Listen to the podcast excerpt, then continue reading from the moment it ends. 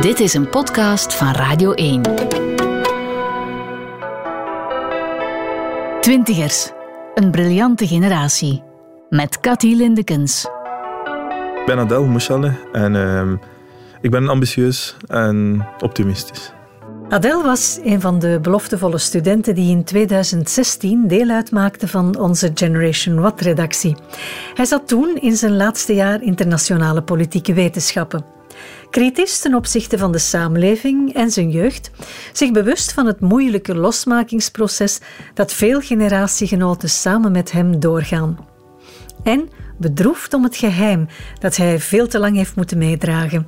Adel Mouchale. Dat ik in het denk eerste of tweede kleuterklas, mijn hand had verbrand aan de chauffage. Dus het is deels een herinnering, deels ook een, een verhaal dat, dat mijn ma vertelt. Ehm, op, op mijn school in Hamme hadden we ook een uh, konijnenhokje. En, en ik kon dat konijnenhokje ook zien uh, vanuit de klas. Uh, ik denk dat dat misschien wel mijn eerste herinnering is. Het ja, konijn. Het konijnenhokje naast de klas waar ik mijn hand heb verbrand aan de verwarming. In wat voor een gezin leefde je? Een heel druk en een groot gezin. Um, ik ben de oudste van acht kinderen. En, en, het was altijd wel een warm nest. Het is druk wel, bij, bij momenten. Bijvoorbeeld in de ochtend als iedereen naar school moet gaan, was mijn ma bezig met de boterhammen van mijn broer, terwijl dat ze tegelijkertijd mijn klein zusje nog aan het omkleden was. En alles liep door elkaar en ik, moet dan, ik moest dan ook bijvoorbeeld helpen met mijn broertjes hun schoentjes klaarzetten en dergelijke. Het was heel chaotisch. Um, en, en als oudste krijg je ook de verantwoordelijkheid voor jongere broers en zussen. Dus het is chaos niet op de negatieve manier. Het is meer chaos en drukte op de positieve, gezellige manier, laat ons zeggen. Leuke chaos. Ja, ja, ja, zo de, de, ja het, ik kan het vergelijken met een bijennest. Dus iedereen heeft wel, weet wel wat dat hij of zij moet doen. En, en ja, het was wel eens druk, maar inderdaad ook gezellig. Ja. Hoeveel jaar zit er tussen jou en de jongste? Uh, twintig jaar. Ja, ik was twintig toen hij geboren werd. in het ziekenhuis dachten de meeste verpleegsters dat ik de vader was. Uh, maar ja, nee, het is mijn jongste broer. Ja, dus je moeder heeft eigenlijk een heel groot stuk van haar leven aan het grootbrengen van kinderen. Ja, ja, ja, ze is uh, getrouwd met mijn vader op haar 21ste. En op haar 22e werd ik geboren. En uh, op haar 42e werd mijn jongste broer geboren. En daartussen, ja, de eerste vier kinderen kwamen kort na elkaar. En dat was toen een pauze van vier jaar. Dat was er een tweeling, dubbel prijs. En dat was er weer een kleine vier jaar. Dat was mijn zusje geboren. En dan, um, ja, zes jaar later is dan mijn, mijn jongste broer geboren. Dus uh, er is altijd wel een baby of een kind bij ons thuis geweest en nog steeds. Je bent uh, het eerste kind dat in het gezin geboren is. Het eerste mhm. kind dat ook in België geboren is. Maar je ouders komen uit Syrië. Ja. Waarom zijn ze naar hier gekomen? Mijn vader is uh, in de jaren tachtig naar hier gekomen om te werken. Um, omdat mijn onkel hier ook werkte. En hij had zijn legerdienst in Syrië afgewerkt in 283, denk ik. Um, en dan is hij dus naar hier verhuisd om het, uh, zijn, zijn jongere broer dan te volgen in het werk. En uh, tien jaar later is hij ook getrouwd met mijn ma.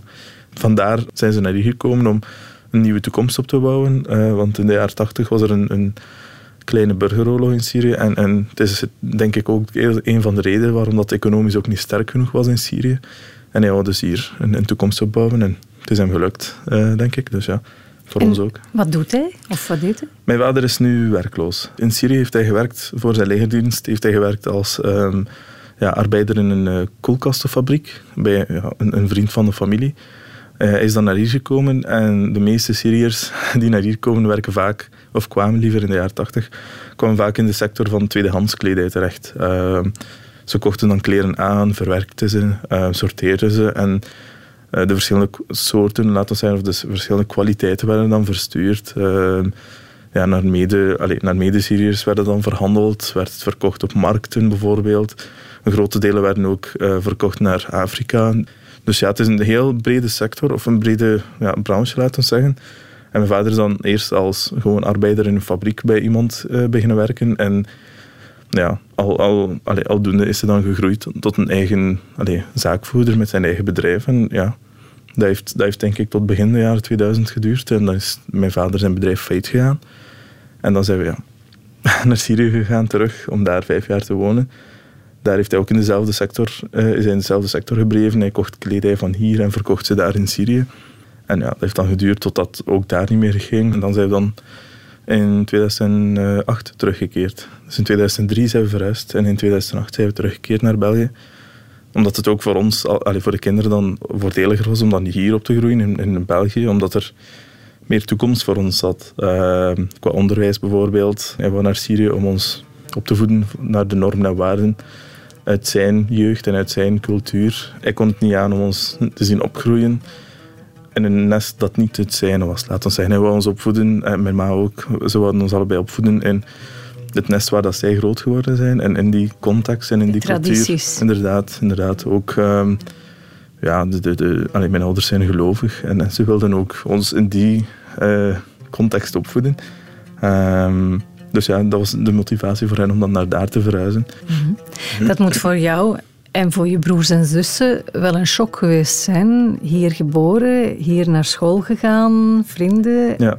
En dan plots met het hele gezin naar Syrië. Dat was een, uh, inderdaad een grote aanpassing. Uh, want ik kwam dus, ja, ik ben hier gewoon geboren en getogen. Ik ben hier gebleven tot mijn uh, vijfde leerjaar in het lager onderwijs. We zijn dan naar Syrië verhuisd. En daar zat de dynamiek anders. je had geen klasse meer van 25 leerlingen max. Het waren minstens 50 leerlingen in de klas. En het lager zijn, allee, zijn de klassen nog gemengd, jongens en meisjes. Maar vanaf het eerste middelbaar wordt het gesplitst. Um, en wordt er ook neergekeken op jou als je bijvoorbeeld met een meisje op straat babbelt die niet bijvoorbeeld je zus of je nicht of weet ik veel wat is. Um, en dat was wel de realiteit waaraan ik mij moest aanpassen, want ja, in België spelen jongens en meisjes in de klas samen. En mm. Mijn Arabisch was van thuis uit was enkel dus de spreektaal van mijn ouders. Mm. En dan ga je naar daar, moet je leren lezen en schrijven in het algemeen Arabisch. Um, dat was ook een aanpassing. En dan de terugkeer was dan opnieuw een aanpassing, want ik kwam dan terug naar België, naar het vijfde middelbaar in Hamme. En in het begin, zeker de eerste paar weken, was het ook raar om weer in een klas te zitten van twaalf leerlingen. En dat was al de grote klas van de school, waar dat jongens en meisjes samen zaten. En de eerste, ik denk, als ik me vergis, de eerste week um, stond ik ook alleen op de speelplaats, want ik had geen vrienden uh, gemaakt in de eerste week. En er kwam een meisje bij mij en zei van, allee, Adele, kom erbij staan. En ik heb me dan gewoon heel fors omgedraaid. En je zegt van, ja nee, sorry, ik sta liever alleen. En tot op vandaag, als, ze mij, als, als ik haar weer zie, word ik geconfronteerd met die uitspraak van, weet je nog, die keer? En, en ja, dat is, uh, dat is ook een aanpassing geweest voor mij. Ook omdat mijn Nederlands dat weer opnieuw moest uh, opgebouwd worden. Dus ja, dat was wel allee, een shock, maar aan de andere kant leerde ook wel veel. Zonder, zonder mijn verblijf in Syrië zou ik nooit zo vlot Arabisch kunnen lezen uh, en spreken. Dus het is ook wel een ervaring geweest. Mm. Dus ja.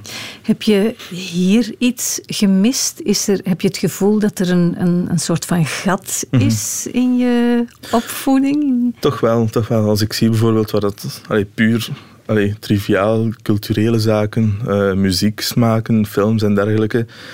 Mijn vrienden nu uh, babbelen soms nog steeds over het een of het ander uit hun jeugd. En dat het voor mij, allee, dat, dat ik uit de lucht val. Uh, al is het maar FC de kampioenen bijvoorbeeld, ik heb daar nooit naar gekeken. Het eiland, daar maken veel mensen referenties naar.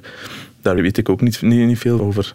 Dat zijn van die triviale dingen die, die op zich niet cruciaal zijn om te functioneren. Maar ik heb dus inderdaad wel een gat. Allee, in mijn cultuur, laat ons zeggen. Maar ja, ik werk er wel aan. En, en, en allee, het is geen leegte dat ik heb. Het is gewoon een, een, een gat dat bij mij anders gevuld is uh, met andere culturele zaken uit Syrië, uit, uit de Arabische wereld. Het heeft ook zijn voordelen, hè? Ja. Je, je, ziet breder.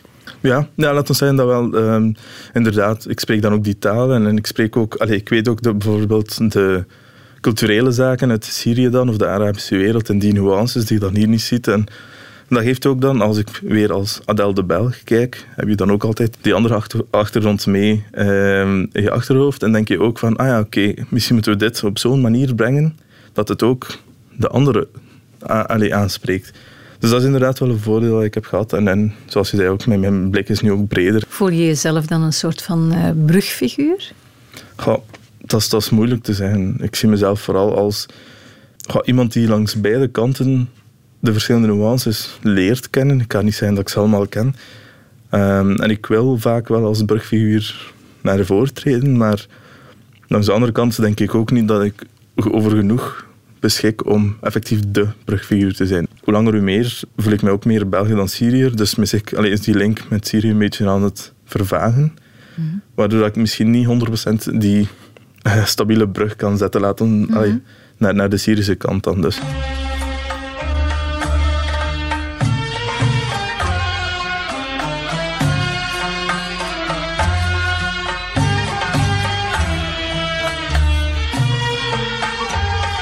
Je hebt je tienerjaren dus in Syrië doorgebracht. In Aleppo, denk Ja, ik. inderdaad. Hoe was het leven daar? Anders. anders. Eh, je wordt als jongen ook ehm, geacht om ja, bij te dragen aan je gezin. Ehm, als bijvoorbeeld geen school is, in schoolvakanties, ging ik altijd werken bij mijn vader. Ehm, vaak, allee, daar wordt ook niet gezien als ik ga werken om loon te verdienen. Nee, ik ga werken bij mijn vader om bij mijn vader bij te staan.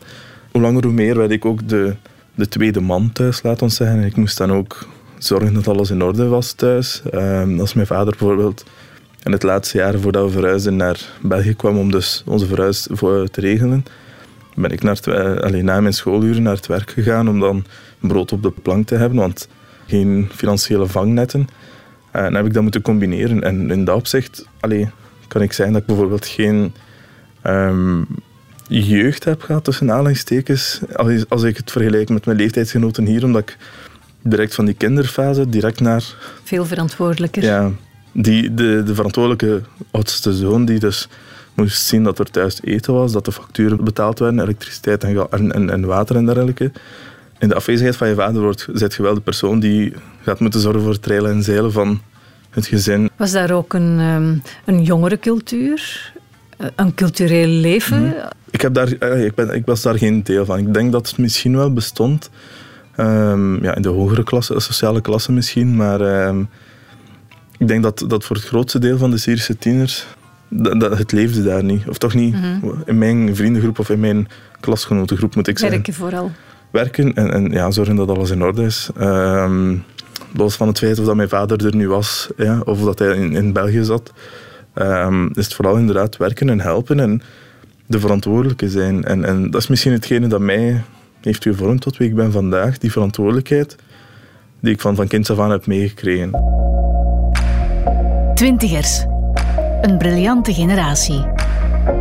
Je kwam dan terug naar België. Los van het feit dat je niet meteen vrienden had opnieuw. Was daar dan ook een soort ehm, losbandigheid is het verkeerde woord, maar een, een, een, een veel ja, losser omgaan met alles, meer cultuur die op je afkwam. Was dat vreemd? Goh, in, het Midden in je begin, puberjaren? in het begin was het... ehm, ik ben teruggekeerd toen dat we, allee, op mijn zestiende. Ehm, en in het begin was het vooral... Allee, we hebben thuis ook enkel Bari- eh, Arabische tv, wat ik heel jammer vind persoonlijk. Ehm, dus je blijft wel...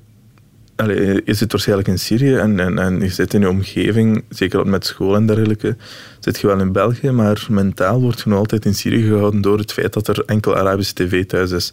Ik ging bijvoorbeeld naar school en ik kwam terug en mijn, school was, laten we zeggen, en de winkel bijvoorbeeld, de kolderuiten bij ons thuis, ehm, dat was misschien mijn enigste contact met Belgen, om het zo maar te zijn, of Vlamingen. Ehm, vooral in het begin. Ik heb dan mezelf ook verplicht om bij het Rode Kruis aan te sluiten, om dan toch iets te hebben buiten het school. En door bij het Rode Kruis te zitten in het begin, ga je dan ook bijvoorbeeld in contact komen met festivals en dergelijke.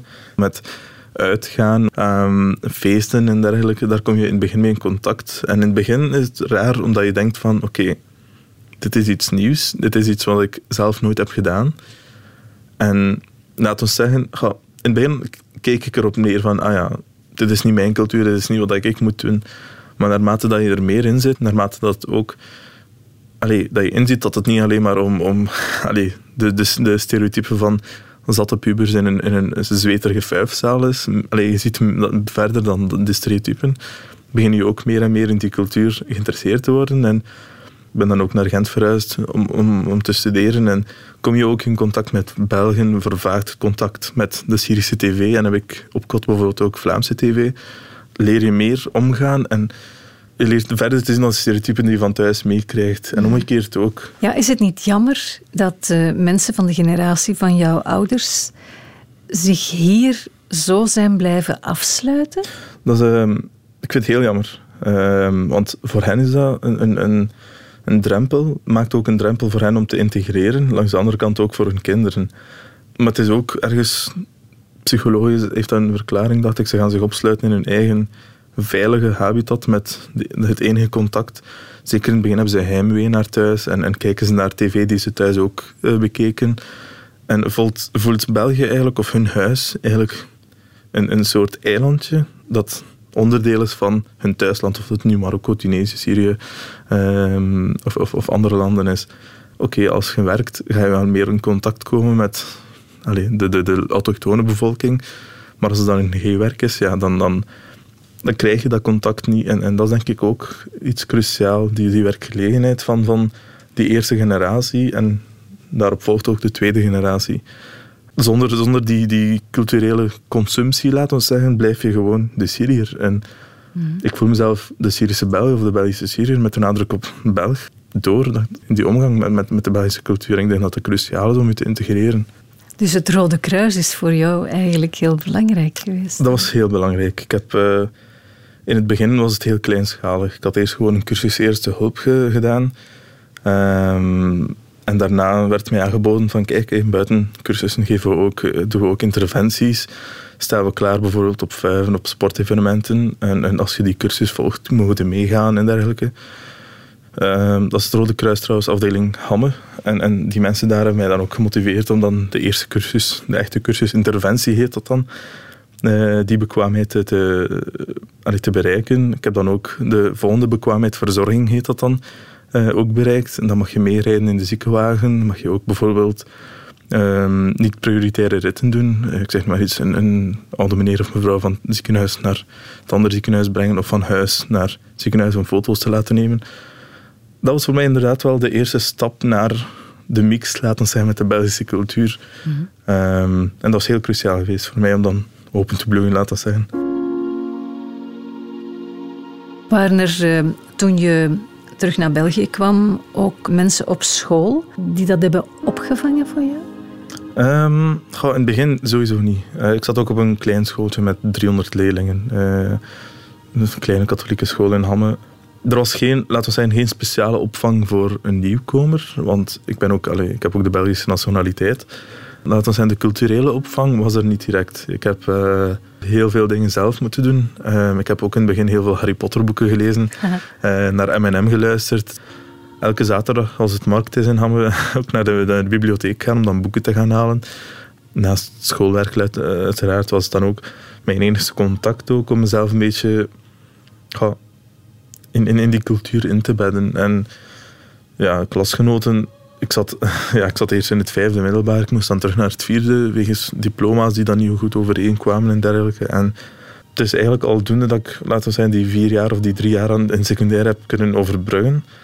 Maar mijn echte ja, het was zijn integratie is denk ik pas begonnen na mijn universiteit. Je hebt jezelf ook wel wat losgevrikt van de tradities thuis, hè? Ja, uh, tot, tot de ergernis van mijn ouders, laten we zeggen ik voel mij, ja, ik voel mij meer Syri België dan Syriër. Ik, ik voel mij ook meer thuis in een, een Vlaamse context, laten we zeggen, of een Belgische context. Ik heb nog altijd mijn connectie met mijn ouders. Ik zie ze heel graag en, en ik respecteer hen ook nog altijd. Maar over sommige onderwerpen komen we niet overeen. En, en daar heb ik dan voor mezelf uitgemaakt van oké, ik zal de knoop moeten doorhakken of toch de intensiteit, laten we zeggen, van de Arabische invloed op mij verminderen. Omdat je op den duur ook vastgekend wordt of, of eerder afgeremd wordt in, in je vooruitgang. Soms botst dat met, met het doel om te integreren en om, of met het doel om, om door te groeien. En dan moet je keuzes maken. En of dat ik er spijt van heb, dan moet de toekomst uitwijzen. Je kunt het negatief bekijken als losflikken van je ouders en, en, niet meer achterom kijken, maar je kunt het ook zien als zelfontplooiing en, en, en zelfontdekking. En, en laten we zeggen, een, een, een goede, goede verstandhouding tussen die beide culturen vinden of, of een goede balans. En, en dat is denk ik een taak die heel veel mensen uit, mijn situatie dan, dan moeten maken. En de ene is dan iets moediger dan de andere, de ene durft meer dan de andere, of de ene heeft, is onafhankelijker dan de andere, waardoor dat hij of zij dan die, die knoop kan doorhakken of niet. Je hebt als uh, student in uh, de redactie van uh, Generation What hier op de VRT een, een heel openhartig stuk geschreven, uh, ook over hoe je het geloof van je ouders toch wel wat in vraag stelt. Ja, Ja, dat is, dat, is, is iets heel moeilijk voor mij geweest. Uh, ik heb er nog altijd mijn twijfels over. En, en um, voor mijn ouders is hun, hun geloof um, hun houvast. Zoals elke gelovige persoon menen ze dat dit bestaan een, een tijdelijk bestaan is. En het hiernamaals is dan het bestaan dat, waarvoor gewerkt moet worden. Um, en als, als kind, als puber, krijg je dat mee. En, en het is nu heel delicaat om dat te vertellen, maar, maar soms raak je er soms een beetje over oversteld. En begin je ook vragen te stellen van, is dit wel hetgeen dat ik wil? Is dit, geen, is dit de waarheid? Voor de ene is de waarheid, ja, God heeft ons gemaakt. En, en we gaan naar het hiernamaals als we allemaal braaf zijn. Voor de andere is de realiteit, er is misschien een God, misschien ook niet. Maar ik ga mij gewoon gedragen als een deftig mens en ik kan niemand kwetsen. En, en en voor de andere is het van God bestaan niet en ik mag doen wat ik wil. Dus iedereen heeft zijn eigen invulling daaraan. En ieder voor zich ook moet je uitmaken... Ehm, Wie je wil zijn. Ja, en, en, en welke concepten of welke bril die je gaat gebruiken in de rest van je leven. En veel jongeren uit mijn generatie, of uit mijn situatie, met, met gelovige ouders, gaan er ook zichzelf in wel herkennen ergens willen ze hun ouders niet teleurstellen. Want mijn ouders, net zoals iedereen, mijn ouders betekenen veel voor mij. En hun mening en hun emoties en hun liefde betekent heel veel voor mij. Um, en ze hebben ook heel veel voor mij gedaan om te maken wie dat ik vandaag ben. Ik kon niet studeren bijvoorbeeld zonder hun steun en dergelijke. Dus, dus de meesten zijn dan bang om zich op dat vlak los te maken of zich te onafhankelijk te verklaren, laten we zeggen. En, en soms, sommige mensen voelen zich ook schuldig. Ik heb ook, mij ook in het begin heel schuldig gevoeld om deze woorden ook uit te spreken. Nu ben ik er ook over aan het nadenken van, had ik dit moeten zeggen of niet? Um, het is een dagelijkse oefening die geen stoppunt laten zijn bereikt. En de weg daar naartoe, hoe is die verlopen? Is dat via lezen, via met andere mensen praten, dat je tot andere inzichten bent gekomen? Um, het is vooral het studeren dat mij vooral heeft wakker gemaakt. Uh, door inderdaad ook met mijn medestudenten aan de universiteit dan um, vooral erover na te denken, luid op te denken, luid op ene vraag durven stellen. En thuis bijvoorbeeld zou zo'n vraag direct afgeblokt worden, want sommige dingen mag je niet in vraag stellen, letterlijke quote. Um, en dan denk je van oké, okay, aan mijn ouders dan bijvoorbeeld, van ik word dan altijd aangemoedigd om, om na te denken maar op sommige vlakken mag dat niet. En, en dan denk je van oké, hier klopt iets niet. Is dat iets waar heel jouw generatie op een of andere manier mee worstelt? Ik vermoed van wel. Omdat we inderdaad langs de ene kant zien we wel hoeveel belang onze ouders dan, of onze grootouders uh, geven aan religie, aan tradities, aan, aan die cultuur. Maar langs de andere kant willen ze zich ook ontplooien, omdat ze ook zien dat je in België een andere manier van leven is, een andere manier van denken. En als ik bijvoorbeeld sommige signalen opvang, denk ik wel dat er elke jongere van allochtone origine of, of van migratieachtergrond worstelt met die vraag van oké, ga ik nu mijn ouders hun leer volgen? Ga ik mijn eigen theorie volgen? Ga ik iets in het midden doen?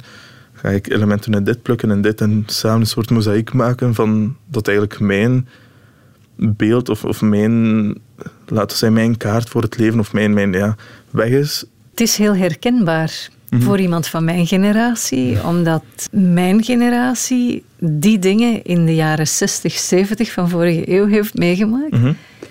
En dat was een, eenzelfde ja, zoektocht en losmakingsproces. Dus het is, het is heel herkenbaar wat je vertelt. Ik denk dat ook in het katholiek Vlaanderen vroeger ook naast puur het religieuze was het ook het maatschappelijke. Je mocht geen dingen in vraag stellen, deels omdat dat niet mocht van meneer Pastoor, maar dat mag ook niet van je moet ook de macht van je vader bijvoorbeeld niet in vraag stellen. Je hebt ook het, het maatschappelijke kader waarin dat we mhm. functioneren. En, ja. Eigenlijk het machtsdenken vanuit een bepaalde mhm. hoek. Mannelijke hoek, mannelijke moet ik dan hoek, toch ook wel zeggen. Nee, dat is waar. Ik ga het ook niet ontkennen, inderdaad. Er zijn ook patriarchale elementen aanwezig, ook in, in in de Arabische cultuur of, of in het katholieke Vlaanderen van de jaren 50, 60. Dus elke generatie gaat dat meemaken. Ik denk dat de volgende generatie zich ook gaat lostrekken van ons dan, allee, van onze generatie. En, het, is een, het, is een, het is een cyclisch proces, denk ik. En, en als het puntje bij paaltje komt, gaat het wel de jongeren zelf zijn die zijn of haar weg moet uitstippelen.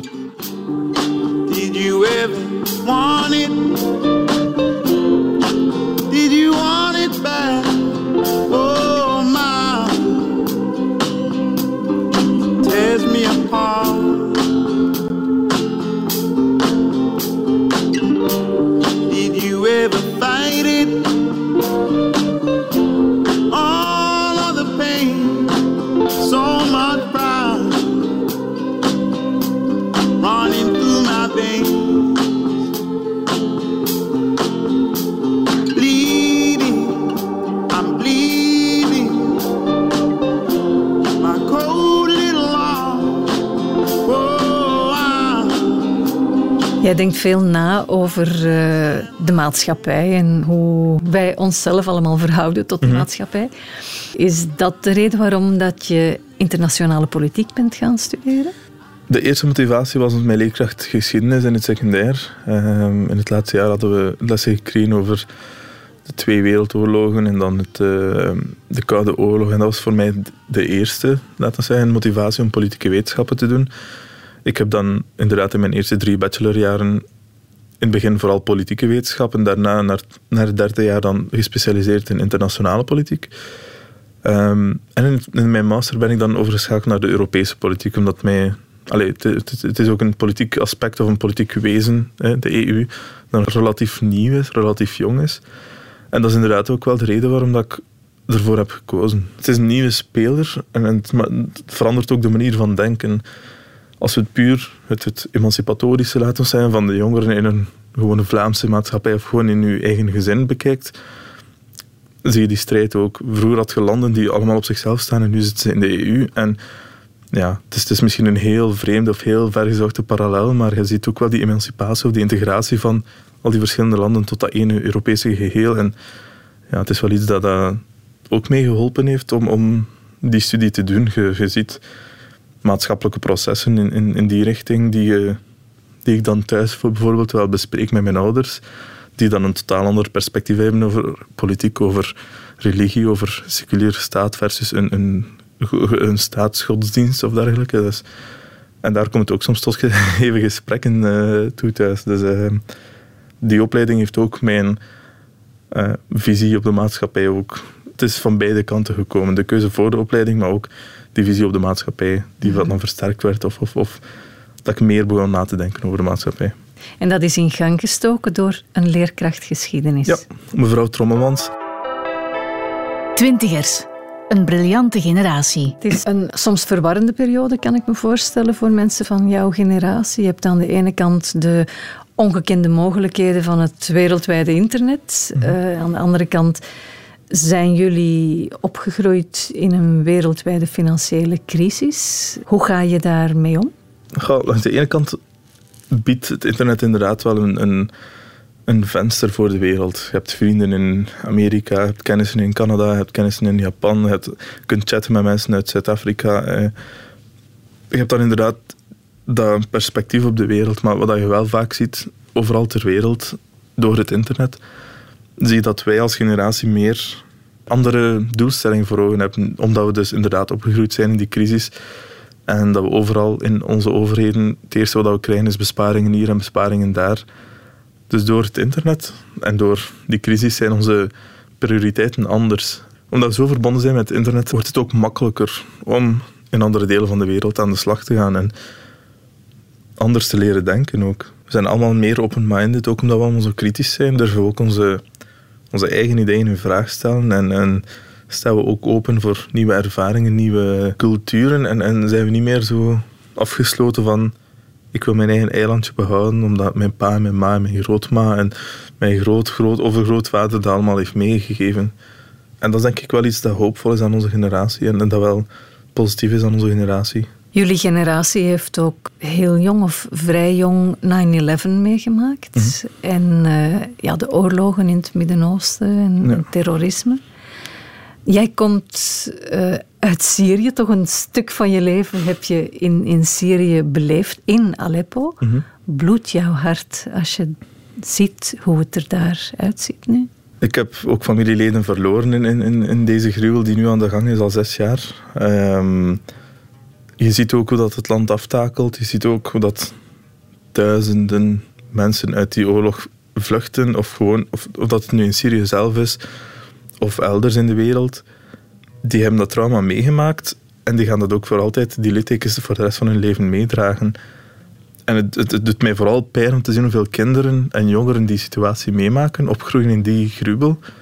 En voor hen is dit gewoon het leven.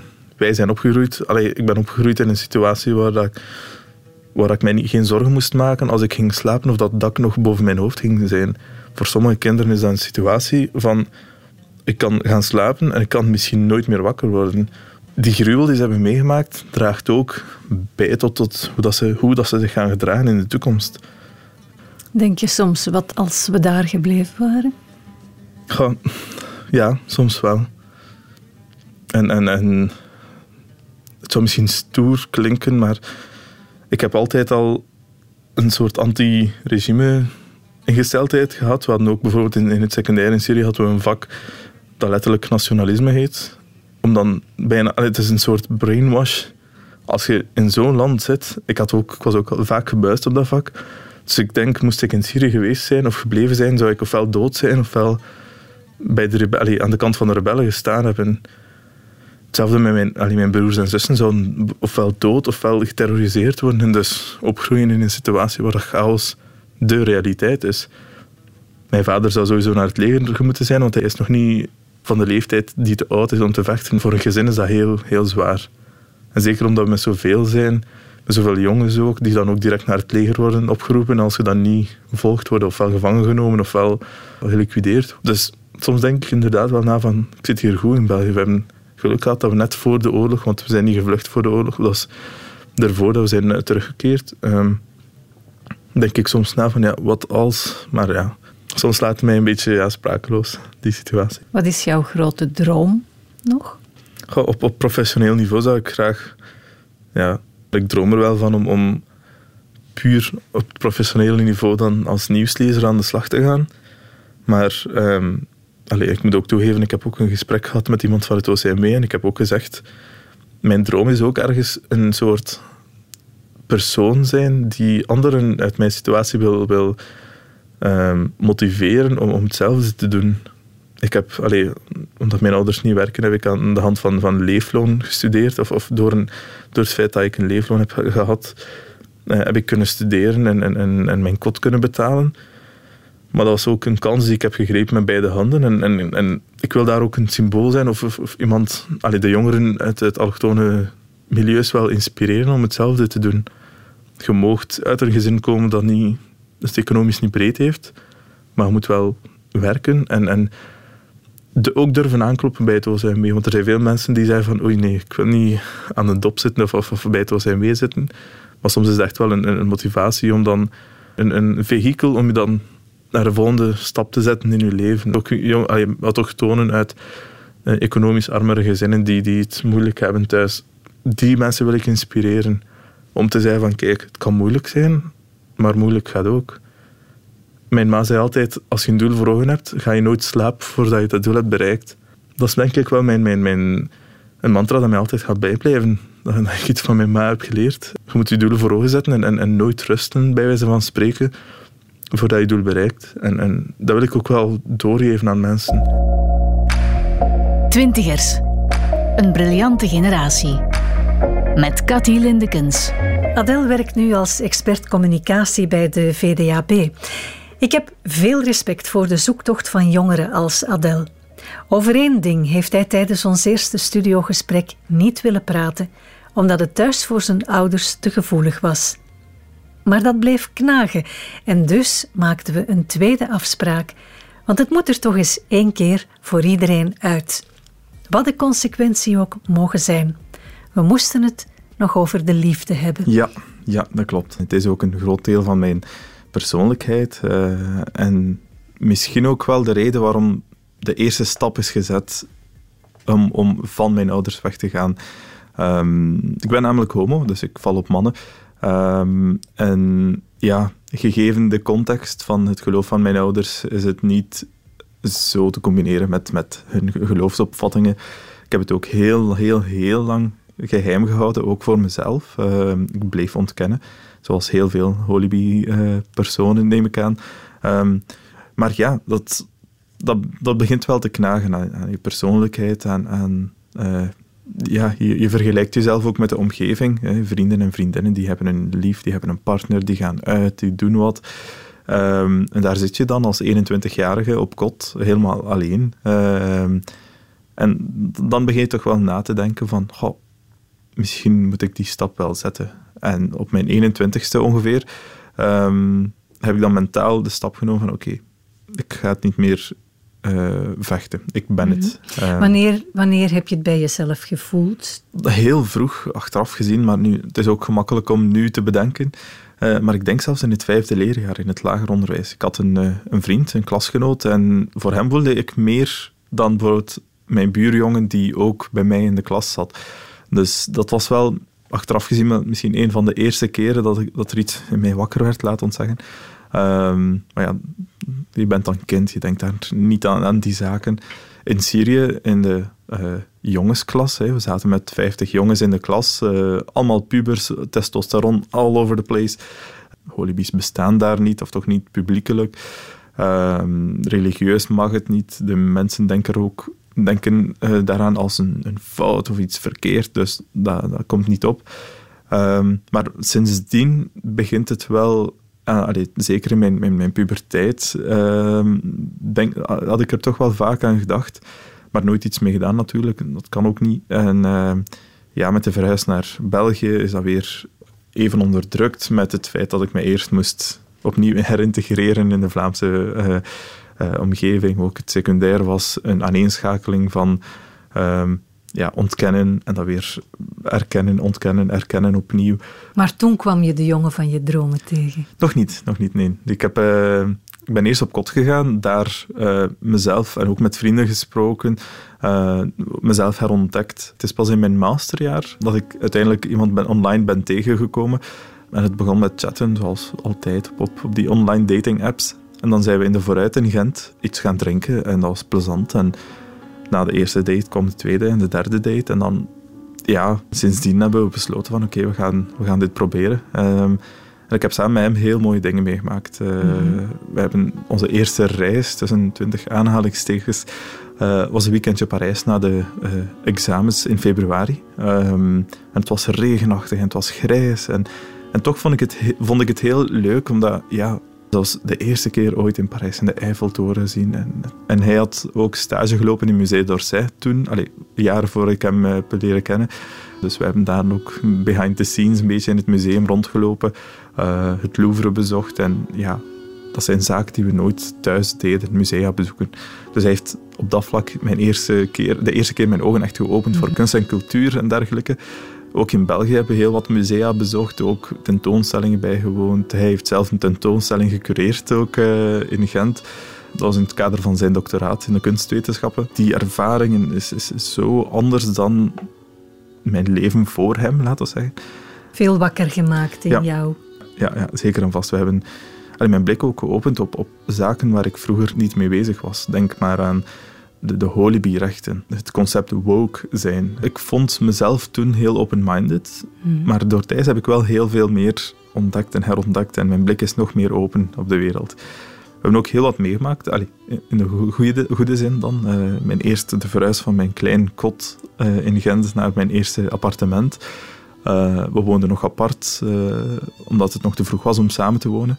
Maar de zomer daarop hadden we opnieuw de verhuis en dan zijn we samen gaan wonen en met alles erop en eraan. Met het schilderen van het appartement, nieuwe meubels kopen, de inrichting, uh, la, heel veel zaken. En Alle leuke dingen die een jong koppel doet. Ja, ja, ja. En, en op geen enkel moment heb ik het gevoel gehad van oei, ik ben hier verkeerd bezig. Of oei, waarmee ben ik bezig? In het begin durfde ik zelf nog geen hand te geven op straat. In Gent doe ik dat nu wel vaker. Maar ik ben er toch nog altijd wel van bewust van. Stel dat iemand ons ziet die via via wel bij mijn ouders terecht zou komen. Maar, maar op den duur, die kans is zo klein.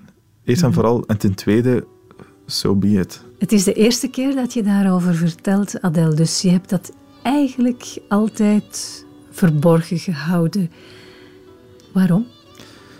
Ja, dat is een goede vraag. Hè. Uh, ik ben 27 en ik heb nog nooit gesproken over mijn vriend in het openbaar. Ja, mijn vrienden en collega's op het werk weten dat natuurlijk. De reactie van mijn ouders, daarvoor ben ik een beetje bang.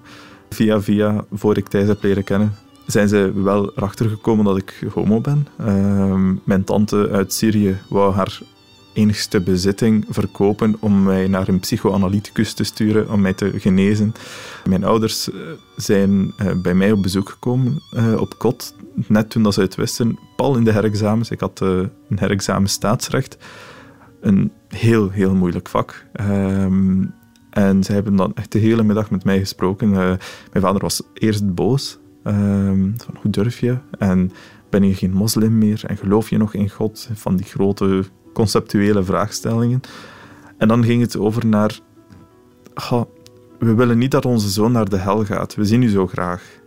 En, en we willen niet dat een deel van ons naar de hel gaat. Omdat in hun levensopvatting is het zo dat zodra je dat een beetje afwijkt van het pad van dat voorgeschreven is, dan ga je naar de hel. En dat willen ze niet. Het, de, de, de, andere vraag was van, ja, wat gaan de mensen denken van ons? Niemand gaat met, je broer, niemand gaat met jouw broers en zussen willen trouwen. Ehm, en, en de roddels, dus meer het culturele, socioculturele aspect van hun netwerk dat hier is opgebouwd. Dus door allemaal mede-moslims die op dezelfde manier denken. Um, maar ja, dat zijn, die twee redenen hebben mij eigenlijk wel op dat vlak een beetje in de kast gehouden. Mhm. En ergens is het jammer, want uh, bij mijn schoonouders word ik ontvangen met open armen. Uh, Moeke en Vaken, zei ik. Ik ga mee met hen naar de Ardèche. En ik vind dat jammer dat ik die warmte en die liefde niet aan Thijs kan bieden van mijn kant van de familie. Voor uh, de generatie van jouw ouders zal dat waarschijnlijk moeilijk blijven. Mhm. um, denk je dat jouw generatie die taboe kan doorbreken, moet doorbreken? Kan zeker, moet ook. Ehm, ik vang wel signalen op. Uh, als ik kijk naar mijn broers of zus en zussen, mijn broers reageren daar heel normaal op. Zij, zij, zij zijn ook bij ons op bezoek geweest. Voor hen is dat geen probleem. Zij van, oké, mijn broer heeft een vriend, zo uh, so be it. Het is een toffe gast, uh, leuk, ja, oké.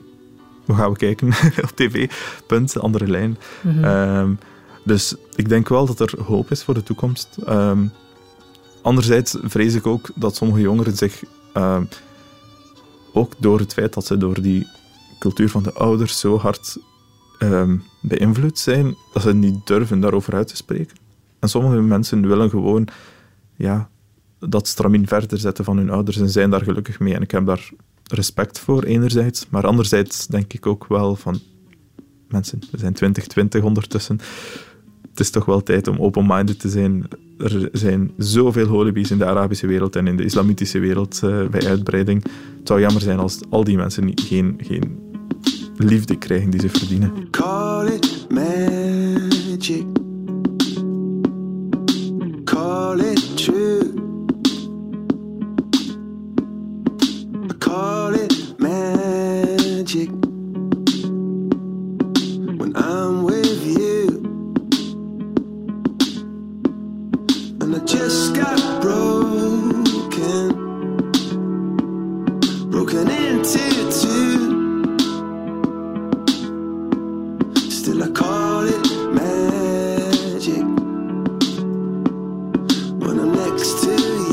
Altijd aan als een keuze tussen twee werelden. De wereld van jezelf of, of jouw in mijn geval dan de Syrische Adel en de Belgische Adel en het verschil tussen beide en ondertussen ja, versmelten die twee. En, en, en, de ene is dan dominanter dan de andere. Bij mij is het de Belgische Adel. De Syrische Adel is enkel aanwezig als ik op bezoek ben bij mijn ouders. Om de twee, drie weken. Of door corona nu even niet. Maar voor de rest, ik ben...